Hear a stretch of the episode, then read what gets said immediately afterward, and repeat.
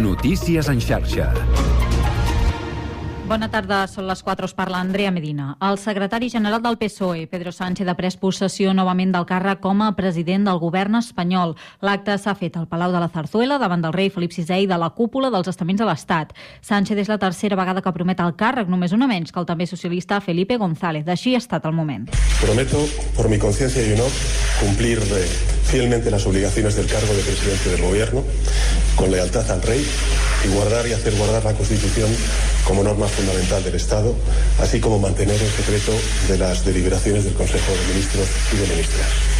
El president podria decidir aquest cap de setmana el nou equip per la quinzena legislatura. En l'anterior hi havia 22 ministeris, ara en podrien ser menys.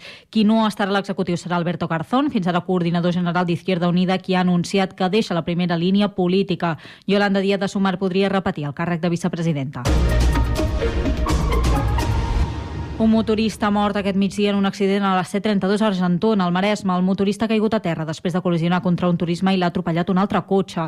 Contactem amb el Servei Català de Trànsit per conèixer l'estat de la C32 i la C60, on hi ha retencions i de tota la xarxa viària catalana. Eduard Sánchez, bona tarda. Hola, bona tarda. Doncs, de moment, sobretot encara queden afectacions a l'autopista del Maresme, especialment a la C60, recordem per un accident que ha estat malauradament mortal a la C32 a Argentona, en sentit nord, en sentit Girona.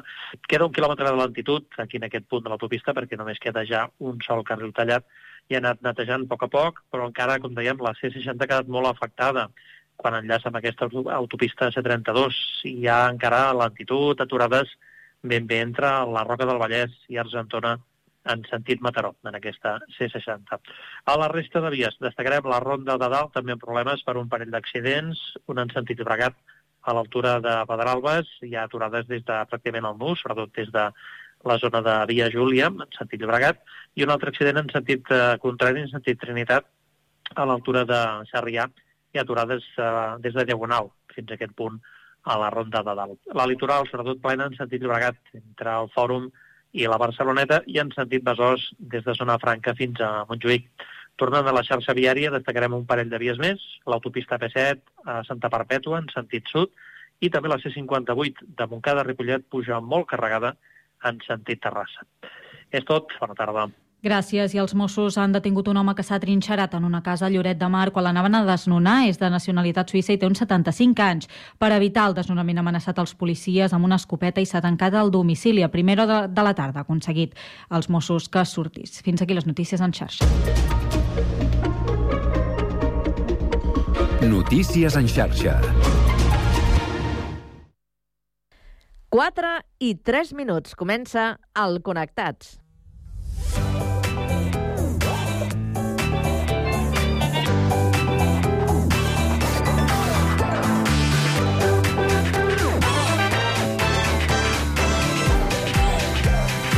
Connectats amb Carme Reversa.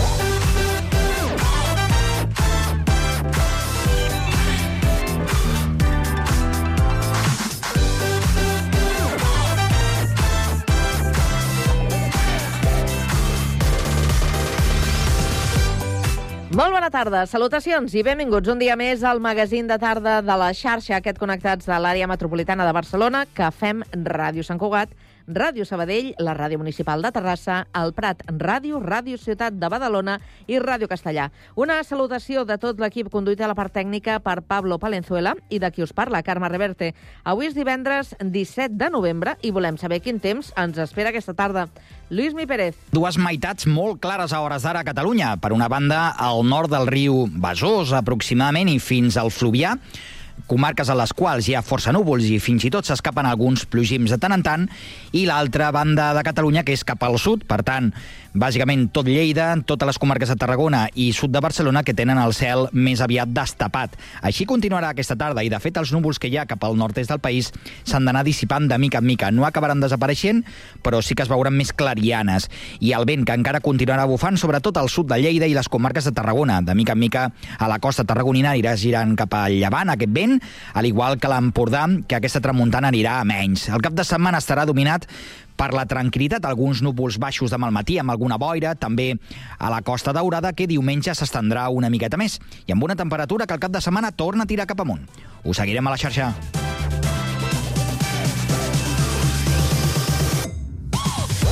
Bé, doncs avui al Connectats coneixerem la llei de restauració de la natura aprovada a la Unió Europea. En parlarem amb l'eurodiputat eh, César Luena, ponent de l'informe.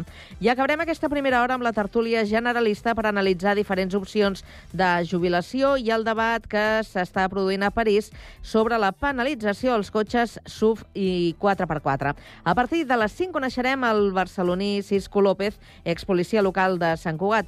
Contactarem amb un vell conegut del Connectats per parlar de xarxes socials. Repassarem les estrenes cinematogràfiques del cap de setmana amb Jordi Guillem i marxarem de cap de setmana amb l'agenda del Connectats. Tot això i més des d'ara i fins a les 6 de la tarda a la vostra emissora local. Connectats? Comencem. Tears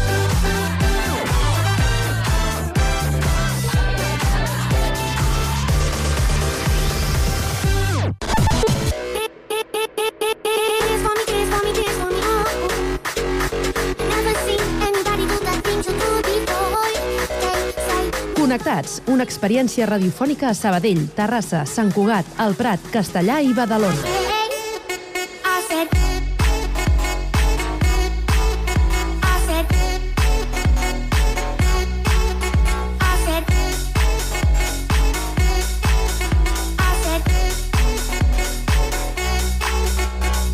Connectats amb Carme Reverte.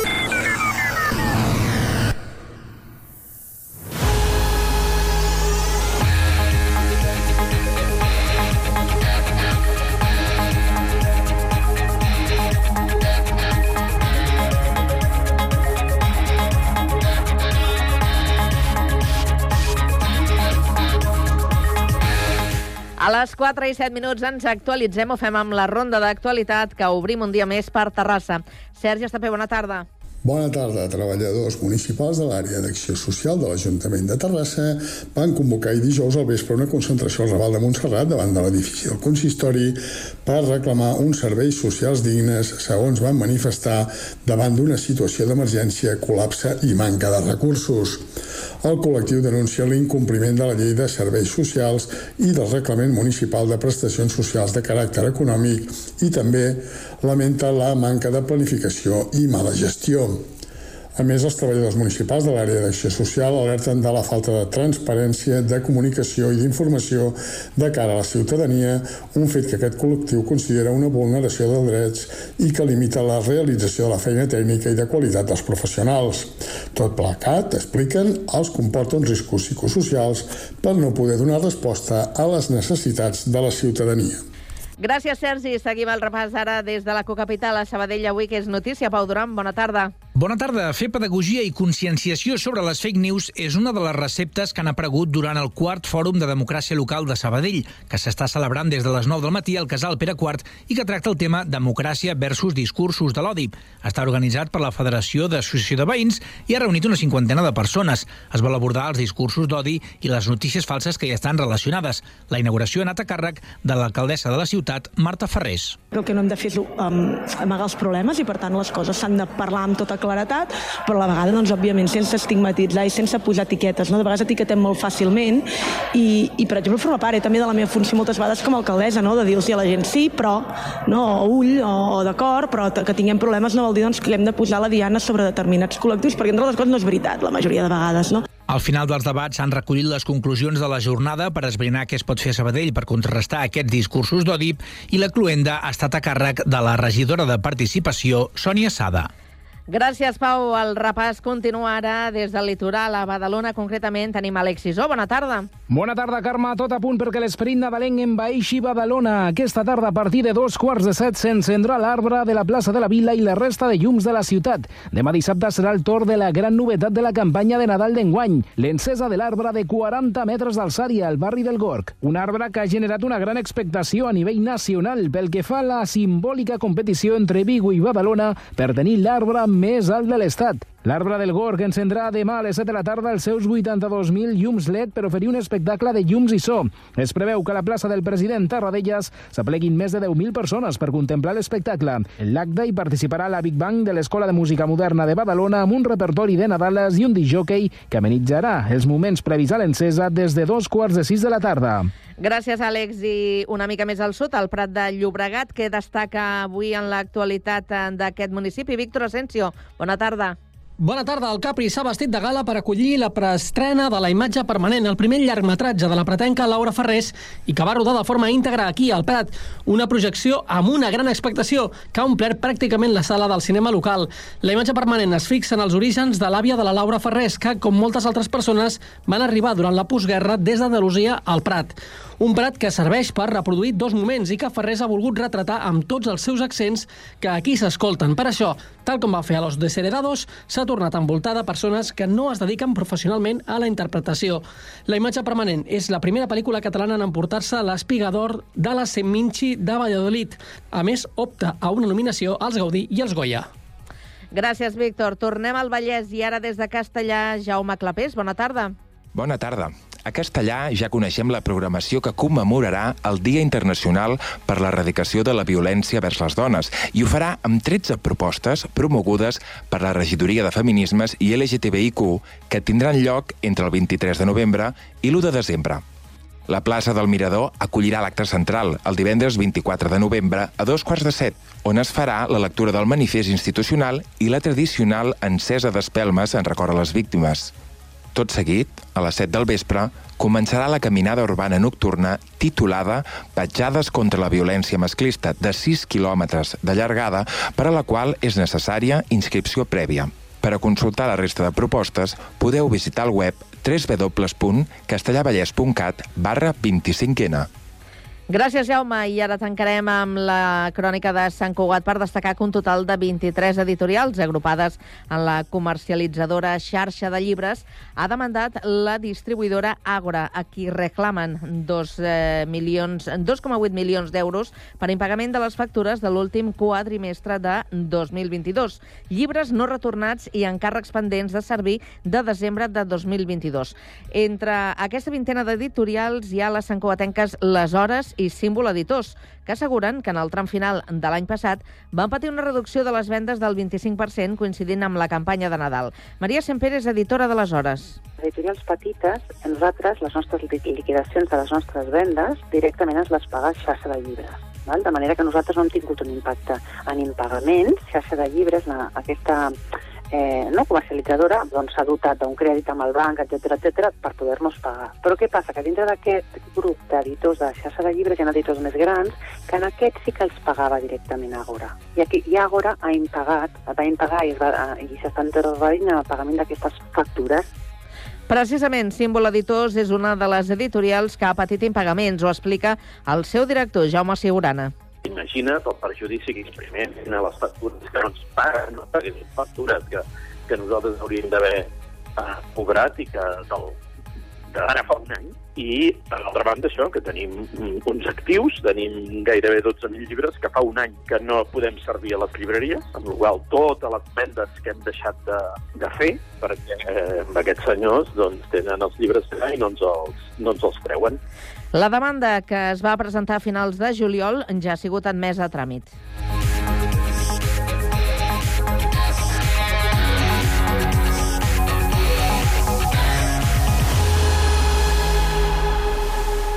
A la tarda, no et desconnectis.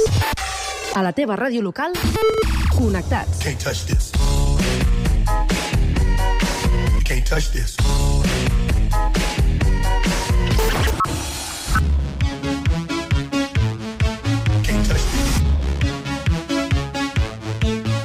This.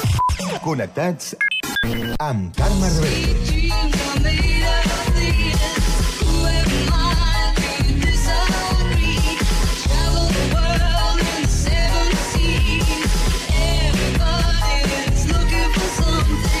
Connectats. Una experiència radiofònica a Sabadell, Terrassa, Sant Cugat, El Prat, Castellà i Badalona.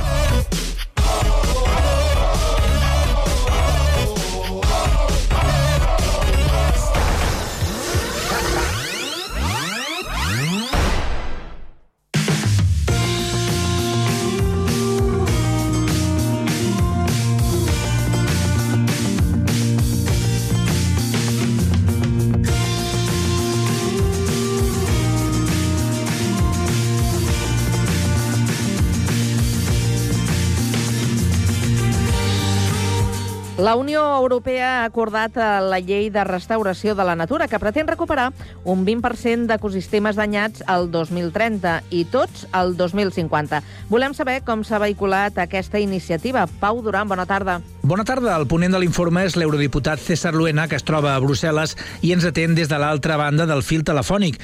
Senyor Luena, buenas tardes. Buena tarde, buenas tardes. Es la primera vez que se establecen objetivos comunes para recuperar ecosistemas dañados. Efectivamente.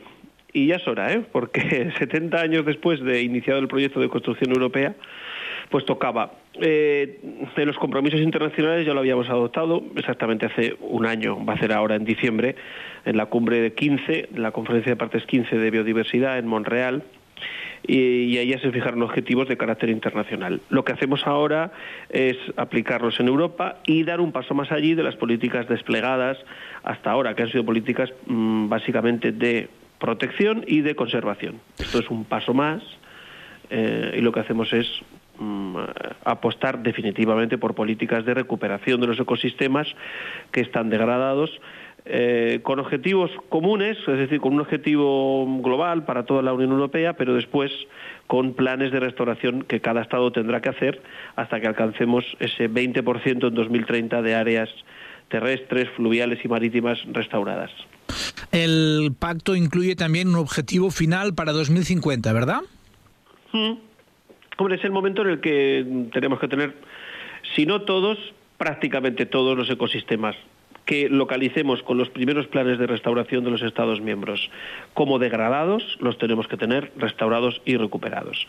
Es vital para nosotros, es mm, muy importante para la lucha contra el cambio climático y eh, va a suponer pues eh, la construcción al final de una política verde estructural que hemos empezado esta legislatura bajo el paraguas del Pacto Verde Europeo, pero que yo creo que tiene que consolidarse a lo largo de la próxima legislatura con una especie de pilar verde, con una financiación suficiente. Tiene un problema este reglamento todavía no definitivo y es que mm, eh, la financiación pues eh, eh, está mm, por estudiarse, está por decidirse. Serán los Estados miembros los que tendrán que ir decidiendo de qué manera financian las políticas que van a tener que hacer, pero mm, para lo cual no van a obtener de momento financiación comunitaria, financiación europea.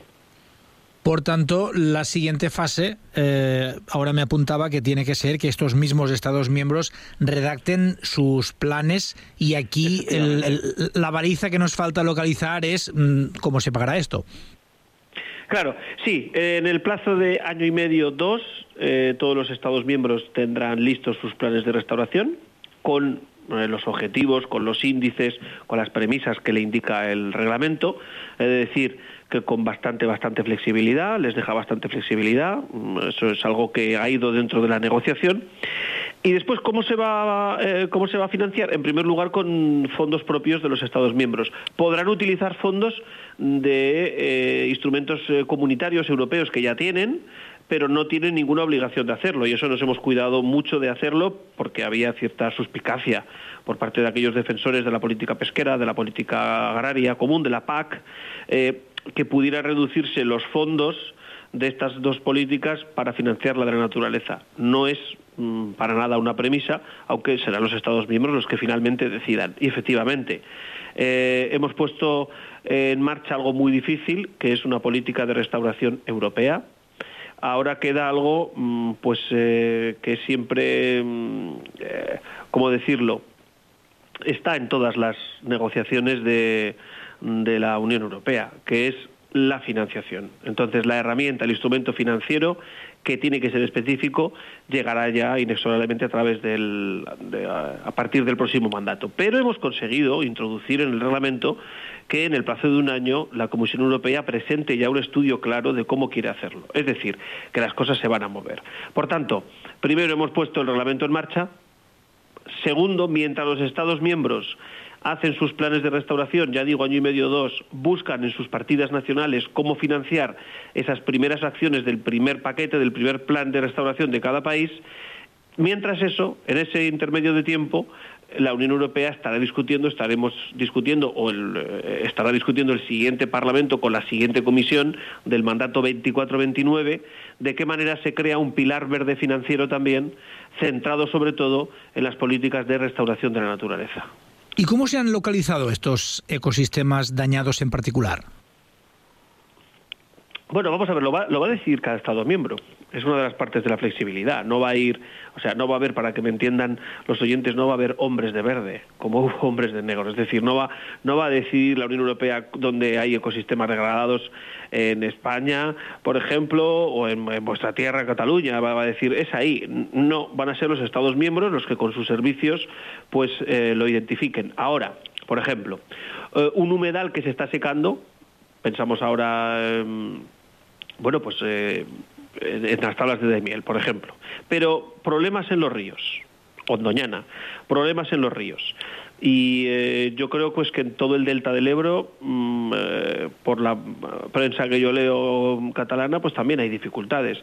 Es decir, que va a ser fácil identificar ante el 20% primero que hay que restaurar para 2030 los ecosistemas evidentemente más degradados. Mientras tanto, yo le estoy requiriendo tanto a la Comisión como a la Agencia Europea del Medio Ambiente a que sistematice la identificación de una manera única de qué es un ecosistema degradado, para que no haya distintos, distintos niveles de apreciación, de eh, categorización de qué es y no es un ecosistema degradado. Por tanto, lo van a decir los Estados miembros, pero repito, para este primer plan de restauración, el que abarca hasta 2030, va a ser fácil, porque cuando pensemos, por ejemplo, en España, nos vamos a acordar del Delta del Ebro, nos vamos a acordar de Daimiel, nos vamos a acordar de Doñana, nos vamos a acordar pues, de, todos aquellos eh, bosques que, que, han tenido pérdidas como consecuencia pues, de, de alguna deforestación o de incendios forestales y vamos a identificar rápidamente, o de plagas, que a veces se dan, como por ejemplo en los, en los, eh, en los alcornoques, que han tenido varias plagas estos años, vamos a identificar claramente cuáles son los ecosistemas que más necesitan de la restauración inmediata eh, que favorece esta ley europea. Al hilo de lo que comentaba usted, Leo, también que se deben plantar 3.000 millones de árboles en la Unión Europea y recuperar 25.000 kilómetros de ríos. Efectivamente, eso es, eso es clave. Eso es clave. Eh, en cuanto a los millones de árboles, son básicos, son básicos porque cuando hablamos de, de las emisiones cero, estamos siempre pensando en dejar de emitir, pero es que además es necesario de emitir menos y de reducir emisiones al máximo, absorber. Entonces, eh, los bosques son eh, eh, unos elementos que absorben carbono claves y por tanto los necesitamos y necesitamos más árboles bien plantados en los hábitats y de la manera, con las especies eh, determinadas que tienen que estar, es decir, en los ecosistemas que se necesitan. Por tanto, eso es importante, no, no, no significa que, que se tenga que hacer sin ningún planeamiento, al contrario, la Comisión Europea supervisará eh, donde cada Estado miembro le propone la plantación de, esos árboles. Y por otro lado, en relación con los ríos, se refiere sobre todo a la recuperación del flujo libre de los ríos, eh, eliminando las barreras obsoletas. Eh, las barreras obsoletas, el ejemplo que pongo siempre más concreto, eh, son esas, esas presas, muros, que hacían trabajo o funcionaban para centrales hidroeléctricas que ya están cerradas, impiden el flujo libre de los ríos, eh, eso hace que perjudiquen a los ecosistemas fluviales y, son prescindibles porque ya no tienen ningún tipo de función y, y no hacen nada en el río, nada más que, como digo, provocar eh, una interrupción en el normal funcionamiento de ese ecosistema. Entonces, particularmente en eh, la eliminación de todas esas barreras obsoletas, que hay muchas en toda España, es y en toda Europa, es donde eh, se calcula, eh, la Comisión Europea ha calculado que se pueden recuperar esos 25.000 kilómetros de flujos libres de cualquier barrera de los ríos europeos. Hablamos de kilómetros de río o también del, del carbono que eh, absorben los árboles, pero en realidad mm, se trata también de actuar en estos ecosistemas húmedos, no en las turberas, donde mm, como, mm, digamos, signo de que la cosa se recupera, se podría ver crecer el musgo, por ejemplo. Efectivamente, sí. Bueno, en nuestro caso más en los humedales tenemos menos eh, turberas, o sea, la presencia de turberas es prácticamente insignificante en el caso español, pero como estamos hablando en el, marco europeo, efectivamente, eso es de lo que estamos tratando. Son dos objetivos que ha costado mucho fijarlos y eh, digamos que se han negociado con muchísima flexibilidad porque los grupos agrícolas eh, todavía pues querían tener un margen de, de acción y así lo hemos dado. Eh, eso es un reglamento con el que ha habido que negociarlo con todos los grupos y, y no te digo nada dentro de los del Consejo, es decir, de los de los socios de los países miembros, pues las eh, vueltas que ha tenido que dar a la negociación la vicepresidenta Teresa Rivera. Pero sí es lo que es lo que dices, eh, se podrán de nuevo eh, ver signos de vida evidentes tanto en los turberas como en los humedales y eso será una gran noticia. Una de las eh, especies que suele aparecer en documentales cuando se quiere plasmar un poco cómo está retrocediendo la biodiversidad en el mundo son las abejas y aparecen también en esta ley. Sí, es el famoso artículo 8 de polinizadores. Bueno, vamos a, mm, a conseguir que cada seis años, queríamos que fuera cada menos, pero bueno, que cada seis años se estudie eh, el índice de, mm, de crecimiento, que es lo que pretendemos, de los polinizadores, que son básicos también pues para que todo el sistema para que todo el sistema funcione y por cierto básicos también para la agricultura.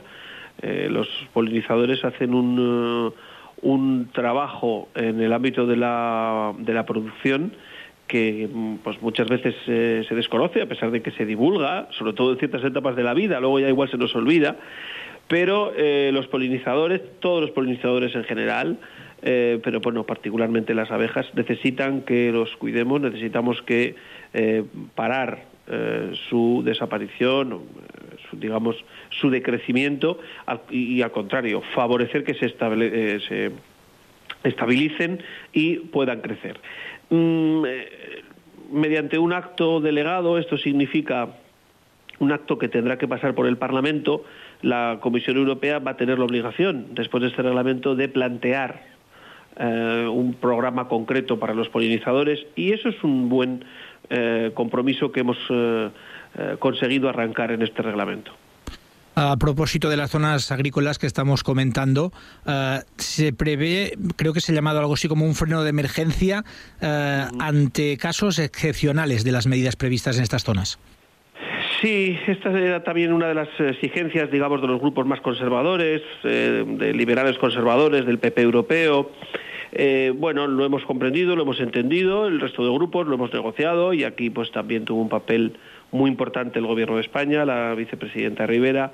¿Para qué? Bueno, pues para eh, eh, insertar en la ley un requisito, digamos, o una medida excepcional, y es que en caso de crisis, siempre relacionadas con la seguridad alimentaria, la seguridad entendida como suficiencia alimentaria, o la inflación, una crisis de precios, pues eh, que pudiera suspenderse solo el artículo 9 de la ley. El artículo 9 de la ley es el que afecta a la restauración de los ecosistemas agrarios. Entonces, durante un año, la Comisión Europea podría pedir que se suspendiese eh, la aplicación del artículo 9 eh, de, la ley. Eso es lo que hemos pactado. Creo que es, creo que es bastante razonable. Mm, eh, los grupos conservadores y también las asociaciones más conservadoras de agricultores o de ganaderos, que a veces se confunden con los agricultores y los ganaderos. No, son una parte, solo una parte. Eh, también eh, se van más contentos así, bueno, pues todos contentos, eh, habrá que justificarlo mucho, es decir, no se va a poder activar este freno de emergencia porque sí, la Comisión Europea tendrá que presentarlo y justificarlo. Esperemos que después de estos años tan intensos, en los próximos años, décadas, pues tengamos más tranquilidad y más estabilidad en el continente y no haya que aplicar ese freno de emergencia. De hecho, para estas zonas agrícolas eh, se han previsto hasta unos indicadores eh, que hace falta cumplir, digamos, para reseñar la tendencia positiva de la zona. ¿Cuáles son? Sí, son pues, eh, las- los índices de mariposas, de, de carbono, de pastizales. Yo diría que al final el más importante es el de mariposas, que es el que ha estado más, eh, eh, más puesto en, duda ¿no? por, por esas mismas organizaciones eh, que- te decía ahora conservadoras. Eh, bueno, van a tener que elegir dos de esos tres que he mencionado así rápidamente. Creo que el más importante, o uno de los más importantes, es el índice de mariposas. Cuando las mariposas empiezan a desaparecer, es señal de que el ecosistema va mal y de que hay que activar como mínimo un estatus, un elemento, un nivel de protección, pero en la nueva política que estamos instaurando ahora también una política de restauración. Esos son los índices, han estado, como digo, en mucha discusión, eh, habrá que elegir dos y los Estados miembros pues eh, podrán decidir cómo quieren medirlo. Yo, eh, para quien me escuche, eh, aconsejo que se le haga mucho caso a los tres, pero particularmente a- al índice de mariposas. Tomamos buena nota de ello. Eurodiputado César Luena, gracias por atender la llamada del Connectats. Pues eh, ha sido un placer, muchas gracias. Hasta la próxima, buenas tardes. Buenas tardes.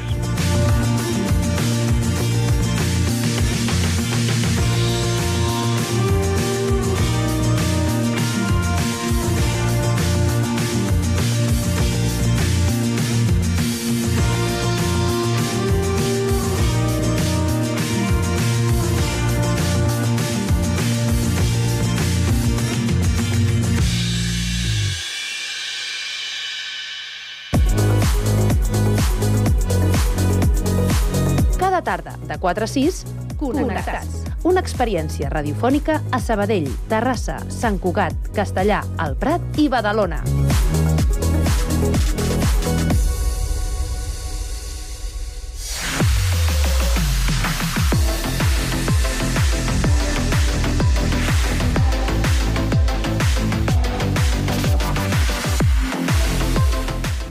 Passa un minut de dos quarts de cinc de la tarda i ens disposem a obrir la tertúlia a tres eh, bandes. Obrim aquest espai d'opinió amb aquesta última tertúlia de la setmana, saludant a la primera de les participants d'avui, Georgia Mainou, autònoma soferta des de Sabadell. Com estàs? Ai, bé, acabo de tenir un percance. Què dius ara? Res greu, no? Espero? No, no, pobret, era un colom que s'ha quedat enganxat a la barana amb la pota torçada Ai. i l'ala, i, i bueno, una feinada ara per treure la pobreta, però esclar, la tinc al balcó perquè s'ha trencat l'ala. Ai, Sí, em fa molta pena, pobret. quina pena. Vale que... Sí, perquè són rates voladores, que tothom diu, no?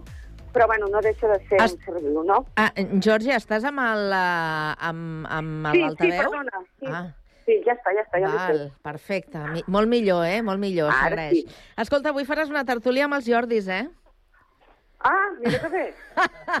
Mira, Avui són, avui són tres Sant Jordis. Bueno, mira, sí, ens faltarà el drac i la princesa, que no, que no, que a no la els princesa tenim. en tenim dues per contras donar, eh? Vull Ah, dir, ojo, va, sí, eh? va, també, sí, si vols, sí. Però també t'haig de dir que som més drac que princesa, jo, eh? Vull dir que- No tiraràs fum, ni foc. Uh, mira, ara el Jordi Mulgo és un dels Jordis que ens acompanya. Ell és administrador i està jubilat i m'acompanya aquí a l'estudi de Sant Cugat, però tenim l'altre Jordi, el Jordi Gili, que és president honorífic d'Amics de, del Prat. Com estàs, Jordi? Bona tarda. Bé, força bé, bona tarda.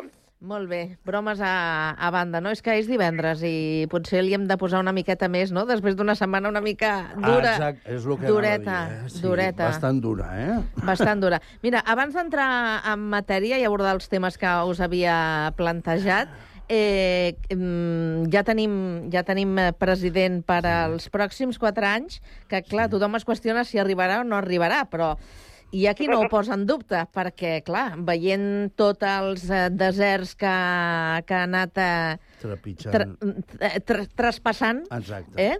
el, el senyor Pedro Sánchez doncs, eh, no posen en dubte que segurament se'n surti, no?, també de- d'aquesta nova travessa pel, pel desert. Eh, com veieu aquesta legislatura? I així fem una ronda molt ràpida i anem als temes que, que ens ocupen. Home, si voleu, començo jo mateix. Vinga. Uh, jo ho veig uh, que el, bueno, el Sánchez és que té 30 vides. Vull dir, aquesta també la passarà. El que no, ja no sé els resultats finals que tindrà, perquè jo no sé quants partits són, em sembla que eren set. Set partits de, Set que han partits. establert acords, sí. Set acords. Un demanarà el color groc, l'altre el verd, i l'altre el rosa, i l'altre... No sé si donarà temps a fer-ho tot. I el problema és de que si només que se'n despengi un eh, és un problema gros perquè no tinguin majories o acabaran convocant eleccions. No que aconsegueixin treure'l fora. Jo amb això ho veig més difícil perquè mm, l'ambient està molt dividit i aleshores les esquerres faran front comú amb això. Crec, eh? Perquè a vegades t'equivoques. Però, bueno, jo ho veig així una mica, mm, amb desconfiança. Mm. Georgia, com ho veus tu? Ai, no sé, jo he rigut molt. Tu has passat bé veient el debat d'investidura? Jo, jo, no, vaig veure trossos, trossos d'aquests, de quan li deien no, en el Feijo, no?, que el primer espanyol que no quiere ser presidente. Bueno, Sí. bueno, és que, aviam, era, era pum-pam, pim-pam, una per cada banda. I amb lo que jo m'ho he passat bomba amb, amb, amb els vídeos que sortien de Ferraz. Bueno, he passat una setmana del més divertit. Però aquest pobre home s'ha fotut amb un merder, que és el que diu el Jordi. Diu, a veure, diu, clar, és que som molt d'acord Mm -hmm. i no crec que pugui arribar a, tot. Eh, no, no, no ho crec, no ho crec. Ja. Vamos, aviam, no sé, eh? És el que diu el Jordi, ja veurem. Però, vamos, Que no li- el merder, el merder el té assegurat, però, però, però de calle, eh? Que Pobre no, home. que no li passi, Georgia, com aquella senyora que ha sortit en un dels àudios de- d'aquesta setmana a Ferraz, que anava amb el marit a una d'aquestes concentracions i, i protestes, eh, que no sé què li en diu... contra de quién vamos? Sí.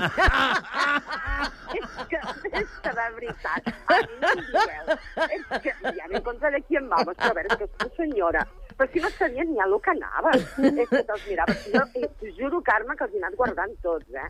Els he anat guardant tots. Me han, la, avui no sé si em diu, me han pegado en la cabeza. Ai. Eso es ilegal. És il·legal. Hòstia, quan ens el fotien a nosaltres, què era? Llavors sí que era legal. Llavors, eh, no, i tant. Ai, eh, sí, la veritat és que ha sigut una setmana entretinguda, molt entretinguda. Jordi des del Prat, Jordi Gili, a veure, com veus tu aquest, a, aquesta nova, nova senda que, que agafa la política espanyola? Bueno, jo, de fet, jo no sé si va ser amb vosaltres, amb la tertúlia del Prat Ràdio, no ho sé bé, però jo, ja abans de l'estiu, vaig dir, es faran pregar tots plegats, però eh, formarà, el Sánchez formarà govern. I no perquè tots els que li hagin donat suport estiguin cegament d'acord amb, amb ell, amb ell i amb, el, i amb el, la manera de fer dels socialistes, però és que, esclar, l'alternativa de fer unes noves eleccions o eh, donar a, a l'extrema dreta el govern, doncs, home, mm, la veritat és que, sincerament, no té color. I això Però això no em fa hagués pensar... passat, Eh? jo crec que això no hagués passat. Si haguéssim anat unes altres vegades a eleccions, dubto moltíssim que tornés a que sortís l'extrema o a la dreta. Eh? Ho dubto moltíssim. És possible, però me- més val no temptar la sort. Exacte. Per si de cas. Més val no Bueno, si temptar és la la sort. manera, i si, i si, perdona, Jordi, i si fos la manera de, de que la gent aixequés al final el cul del sofà? Veient tot el que faria la- l'extrema dreta o la dreta? Mm, Tallant, no, tallant la- llibertats i tallant absolutament tot? Sí, Igual però, però això, clar. per això escolteu una cosa. Això ho veiem amb els ulls de Catalunya i amb els ulls d'alguns altres llocs. Però hi ha molta gent que veu la cosa més normal del món. El que comentàveu abans, la gent veia molt normal que la policia ens atonyinés aquí, joves, grans, velles i, i el que fes falta. Però, esclar, si amb ells, que tota la vida han sigut els que han remenat les cireres, els hi toquen un pèl del cap, això ja és il·legal. Eh? Per tant, mm, mm, per moltíssima gent, aquests, aquests disbarats que està fent l'extrema dreta por ahí, mm, bueno, pues és pues lo que debe ser. Mm, home, el que debe ser no ho sé, però almenys hem tingut, o han tingut la força de resistir, perquè aquestes manifestacions i tot això ningú se les ha cregut, perquè a Madrid eren quatre i una mica més, eh? no massa més. I eh, els quatre que cremaven les papereres i cremaven contenidors eren gent que cobrava un bon sou. perquè jo no m'ho crec que la gent hi anés en allà per aquest motiu. Jo crec, eh? Bueno, però escolteu una cosa. Vosaltres sabeu la, la quantitat de funcionaris i funcionaris mm, de tots els ministeris i tot això que hi ha a Madrid? Sí, i on eren? Doncs perquè... molts, molts estaven allà perquè el que no volen se'ls hi en fot tres pitos la- l'amnistia. Se'ls hi fot tres pitos perquè quan amb ells se'ls hi ha convingut també han, han amnistiat. Oh, i tant, I, oh, i tant. i, i, molts, I molts més centenars de milions d'euros de lo que estem parlant en aquest moment. Oh, I tant. La fiscal I en- i en- parla i de la en fiscal. delictes- Avui, per exemple, avui sortia la, la, la, la intel·lectual que li va dir el Sánchez, va fer una carcassada quan li va dir això, a la Ayuso, la intel·lectual del PP. La del Zumosol. Uh, sortia que, no sé si és demà o demà passat, uh, vamos a ir todos, una manifestació d'aquestes de, contra l'amnistia i tal, no? I a sota de, de, la, de la foto que posava, de la fotografia de, de tots els col·laboradors i tal, hi havia una compte corrent mm, per, per si volies col·laborar. I això per què és? Pels bocarres de xuris que els hi donaran o per què coi és?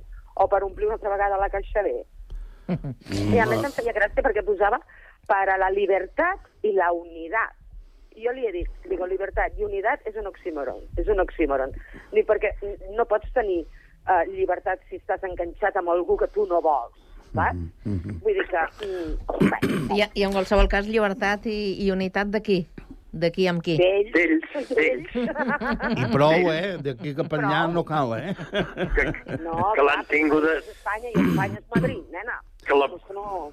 que ells i les seves famílies durant 80 anys l'han tinguda, i clar, això és molt fotut d'haver-ho, poder-ho pensar que tal vegada ho podries perdre. Ara has dit una veritat com un temple. una cosa, aquesta pàjara, perquè perdoneu-me l'expressió, però aquesta pàjara acabarà sent presidenta d'Espanya, eh? No, si va comprar fruita, ella. No, Ai, dona. Si ella no vol ser, es vol ser més, mestressa de casa. Que Sí. La pagesos del mercat van infruitar. Sí. Molt bé, doncs escolteu, parlem de, de, de les coses més, eh, més terrenals, és a dir, les que ens eh, toquen, totes ens toquen de prop, aquestes que parlàvem també, però potser eh, aquesta que us proposo ara, que és parlar de la jubilació, avui tenim els eh, Jordis que segurament ens poden eh, il·lustrar eh, amb, amb la seva experiència. I és que eh, segurament que coneixeu gent que li ha arribat l'hora de jubilar-se, que eh, és possible que lo millor amb la pensió que cobrava no tenia suficient i s'ha buscat la manera de, de treure uns diners eh, més, o perquè el cos li demanava doncs, continuar actiu fent coses, no? Eh, I és veritat que sí que hi ha opcions per, per continuar cobrant la pensió i generar alguns ingressos fent altres eh, activitats. Per tant, trobaríem diferents eh, eh, eh, diríem, eh, nivells Sí. de, de, de jubilació.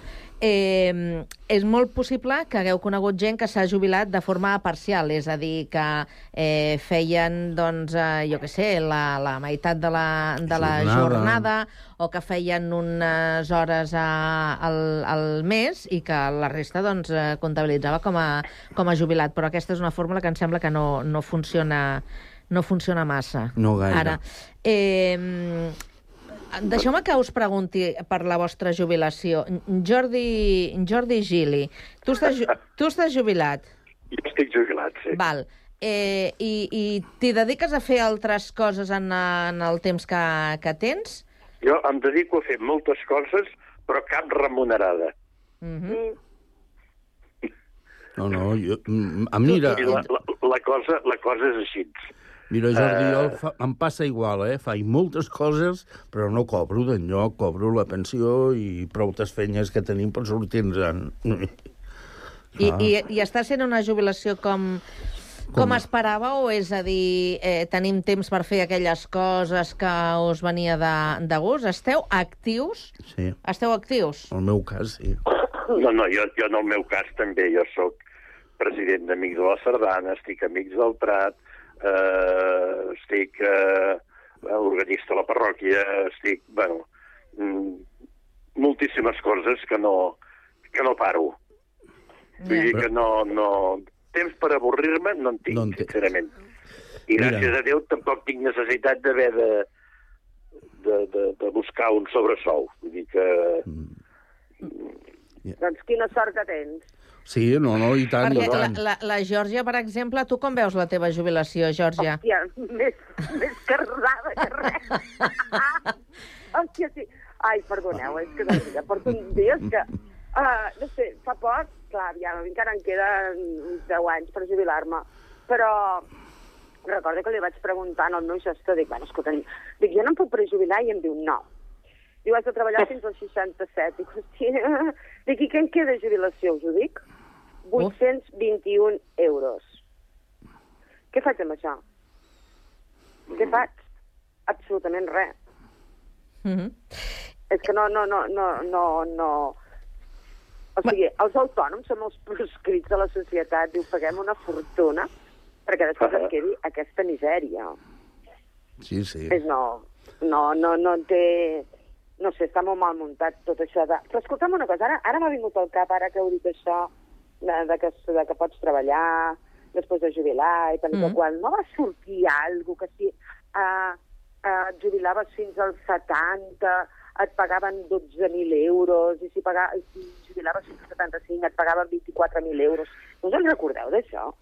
Ostres. Va sortir l'any passat. El Sí. Jordi, a veure, potser. Jo, jo recordo alguna cosa, el que passa que al no estar pendent d'ells no, no sé com ha anat, però sí que ho van dir-ho, eh? Van dir-ho que que... Sí, sí, i tant. Uh, fins als 70 donaven un, premi, diguem, fins als 75 un altre premi, i, bueno, i tu Sí, home. anaves continuant. El, el que, el, el, perdó, el que passa amb, amb, aquesta, amb aquest... Esclar, això és que depèn molt del tipus de feina.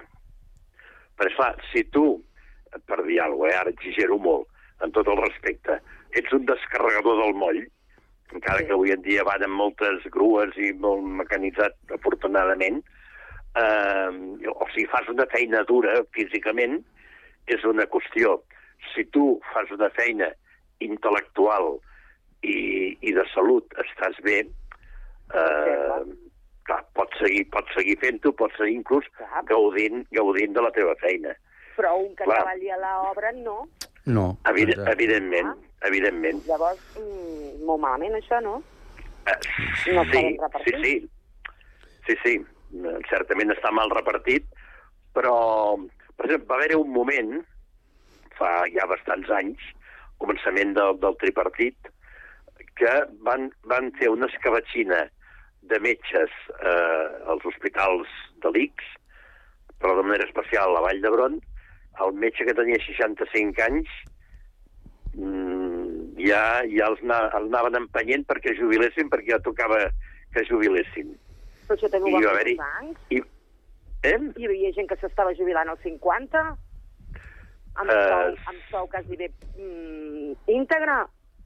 Això va fer-ho, ai, no vull dir noms, eh, però jo en sé d'un davant, que sí que ho va fer-ho. Això- això ho van fer-ho empreses- 50 i els 55. Això van fer-ho empreses d'aquestes tipus FEXA i tipus amb bancs i coses d'aquestes. I caixes, Que, sí. I caixes, que sí, jubilaven en, en tot. O sigui, mira, t'enviarem el sou a casa i no cal que vinguis. Exacte. Pràcticament, pràcticament venia a ser això. Sí. Clar. Mm, Però cobrant-ho tot, sí, sí, sí, sí, sí, sí, clar, i clar. tant. Cobrant tota raó del sou que tenien en aquell moment, eh? de Sabadell. Uh-huh. Ja m'ho deia ma mare. Que No, t'havies no. de, de fer, què, Sí. banquera? Que tenia que fer, que tenia que fer oposicions al banc de Sabadell. Ja m'ho deia ma mare. El deia, nena. El banc de Sabadell o a l'Ajuntament.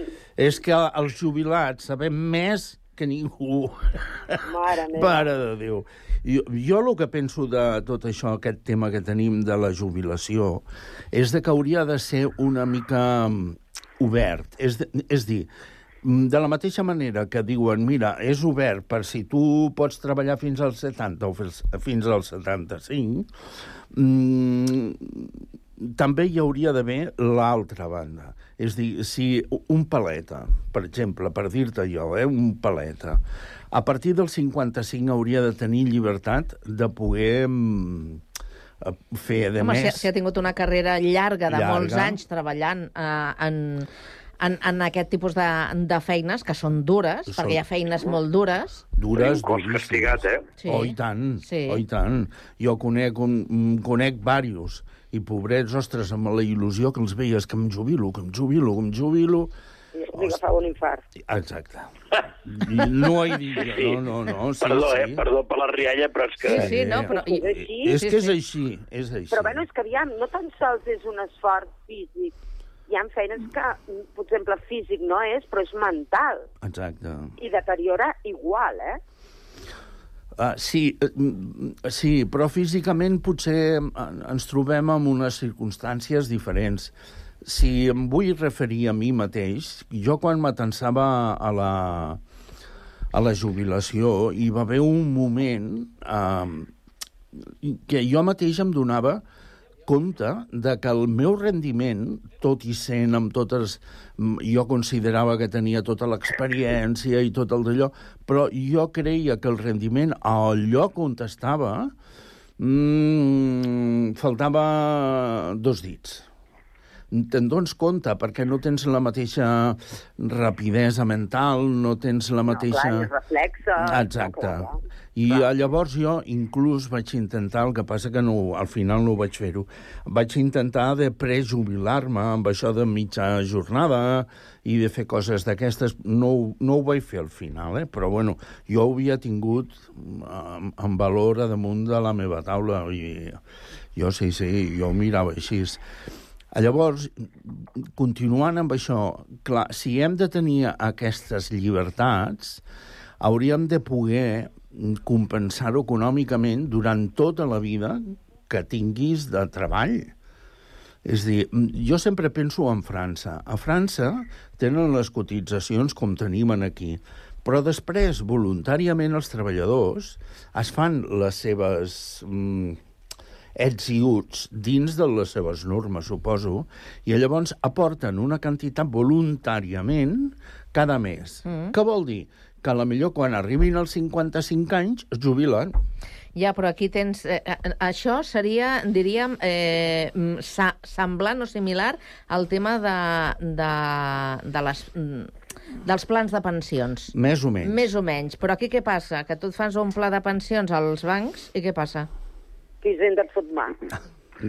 El 25%. No, i, i, no, i, a, I a més a més, te fas un pla de pensions, penses qui sap què, quan vas a rescatar el pla de pensions es fot una clatellada que, que, que quedes, El que vint- quedes arreglat. El 25%. El 25% nominal, eh? Perquè Sí. tu has anat... Podríem haver cotitzat tota la vida. El 25% per... què? d'impostos? La mare que... És que ho veia. Dels, te- dels teus diners, eh? Exacte, que dels- anat, dels que has, tu has anat guardant. Exacte. Pues res, a sota el coixí, a sota el matalàs, s'ha acabat. Sí, haurem d'aixecar la rajola al final.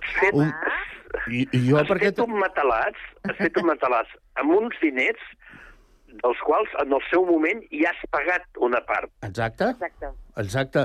Jo ja he pagat la retenció de, de l'IRPF durant tota la meva vida. Com he de pagar ara un 25% dels meus rendiments i de les meves històries? Com t'he de pagar Festa un del PP, 25%? festa del PP. Ah, sí. I, pregunta, i, i preguntes contra qui vas. Exacte, sí, sí. El número de compte corrent i que et vagin ingressant. Ah, Llavors acabarem a la kitchen. Clar, clar, clar. O et donaran una targeta, una black. En black. Més, més, val, més val que ens ho prenguem així, Sí. més més val que ens ho prenguem Es- així que...